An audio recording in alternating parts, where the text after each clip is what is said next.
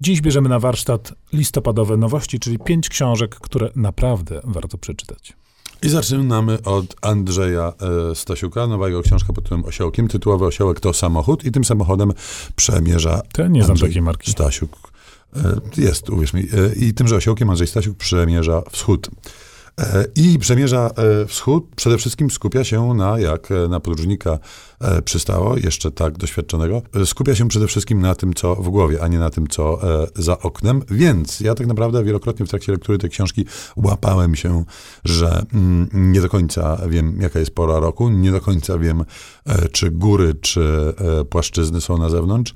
I tam zresztą ta książka składa się też z takich spektakularnych, które mam wrażenie w literaturze anglosaskiej są powszechniejsze, przede wszystkim brytyjskiej, takich spektakularnych porażek podróżniczych, czyli na przykład Stasiuk chce odwiedzić miejsce narodzin swojego ukochanego pisarza Andrzeja Platonowa, ale mu się nie udaje. A mówiąc szczerze, tak naprawdę nawet nie próbuje. Podobnie zresztą z Wołgą, która to Wołga jakoś go kusi, żeby nad nią spędzić trochę czasu, ale trafia w jakiś labirynt zardzewiałych but i ten brzeg się oddala i tak dalej, i tak dalej.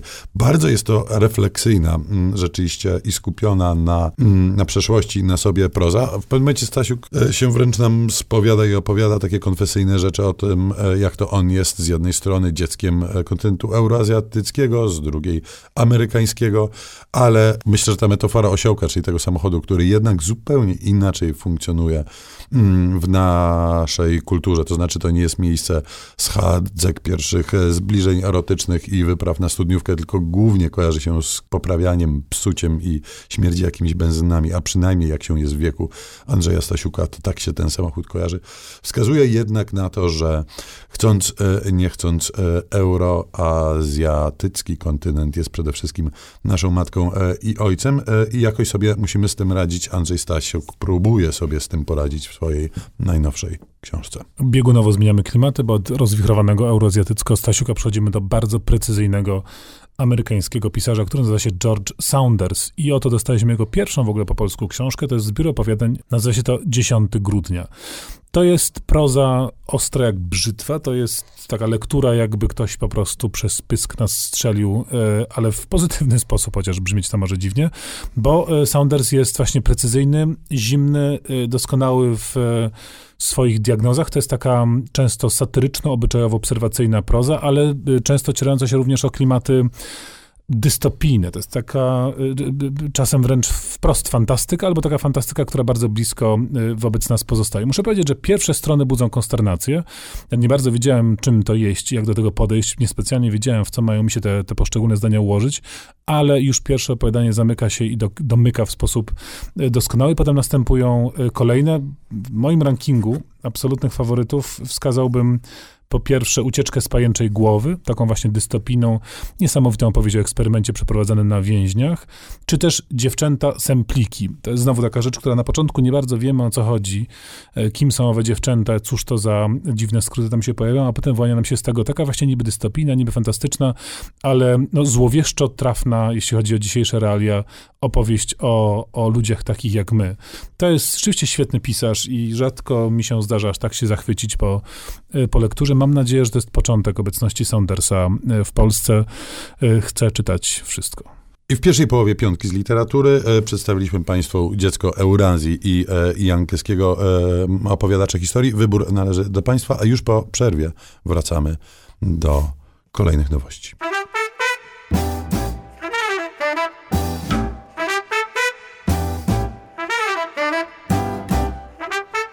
Piątka z literatury. Polecają Szymon Gloszka i Tomasz Pindel. Rozmawiamy o pięciu listopadowych nowościach. Mieliśmy tam opowiadań, mieliśmy prozę podróżniczo-refleksyjną. Teraz czas na no, taki eksperyment. Eksperyment, e, reportaż graficzny, nie pierwszy zresztą w historii e, tego gatunku, e, ale pierwszy chyba tak e, istotny. Marcin Podolec e, już zresztą z tym gatunkiem e, sobie, sobie radził w przeszłości. Nowym jest udział Marka Kołodziejczyka, znanego i cenionego bardzo polskiego reportażysty i prozaika w tymże projekcie. Dostajemy rzecz świetną. Rzecz nazywa się Morze pod kolana. Jest rzeczywiście pięknie narysowana, ale do tego Podolec już nas zdążył przyzwyczaić, więc tu nie ma specjalnego zaskoczenia. On rzeczywiście rysuje świetnie i mam wrażenie, że coraz lepiej. Tu zresztą ma pole do popisu, bo e, sporo jest retrospekcji w tymże komiksie i one są zaznaczone graficznie bardzo ładnie, a opowieść jest opowieścią e, przystankową. No, mamy do czynienia ze e, takimi dość upadłymi homo sapiensami mieszkającymi gdzieś w Polsce nad morzem, którzy spotykają się mm, na przystanku, popijając piwo i łamiąc trochę ręce nad swoim smutnym życiem i te właśnie refleksyjne ględźby się tam pojawiają i tłumaczą ich pochodzenie, pochodzenie ich smutku, pochodzenie ich bezruchu. Najśmieszniejsze jest to, że za przystankiem, jak gdyby za ich plecami, rozpościera się przepiękny i cudowny widok na morze. E, tylko oni jakoś z tego morza nie korzystają, chyba głównie dlatego, że kojarzy się im ono z pracą, e, też mocno sezonową pracą. No i znowu diametralnie zmieniamy klimaty, bo oto ukazała się chwilkę, chwilkę temu, aleśmy o niej jeszcze nie mówili, yy, bardzo ciekawa rzecz, mianowicie wybór opowiadań Tomaza Landolfiego. Tytuł to Morze Karaluchów. Landolfi to jest jeden z wielkich oryginałów literatury włoskiej XX wieku, o którym tak naprawdę mało wiadomo, bo postać to tajemnicza, on niespecjalnie lubi o sobie mówić i zdecydowanie odcinał się od tej medialnej y, roli y, autora.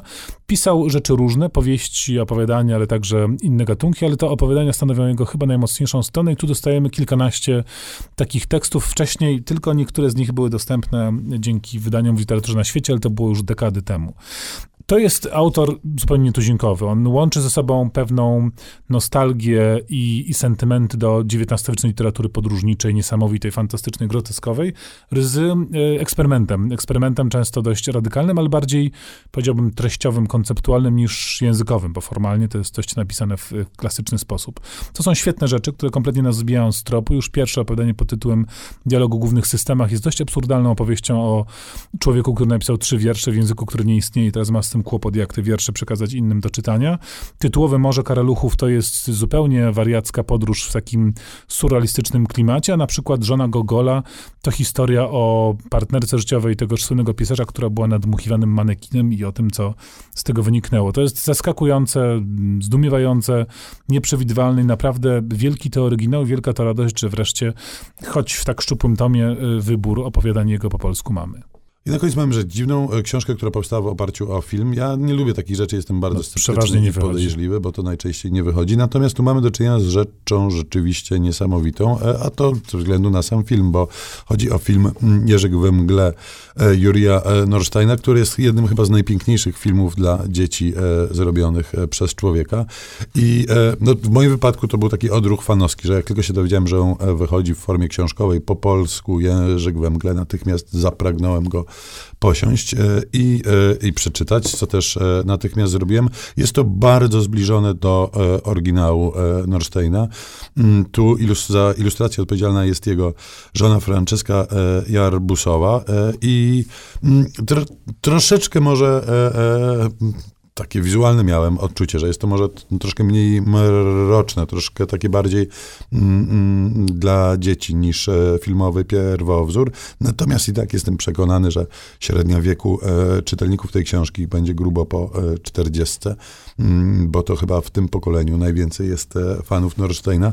Mm, e, no i rzeczywiście jest to taki sposób na zrobienie sobie wielkiej przyjemności, jeżeli się ten film ceni, gdyż jest to po prostu wierne odwzorowanie oryginału.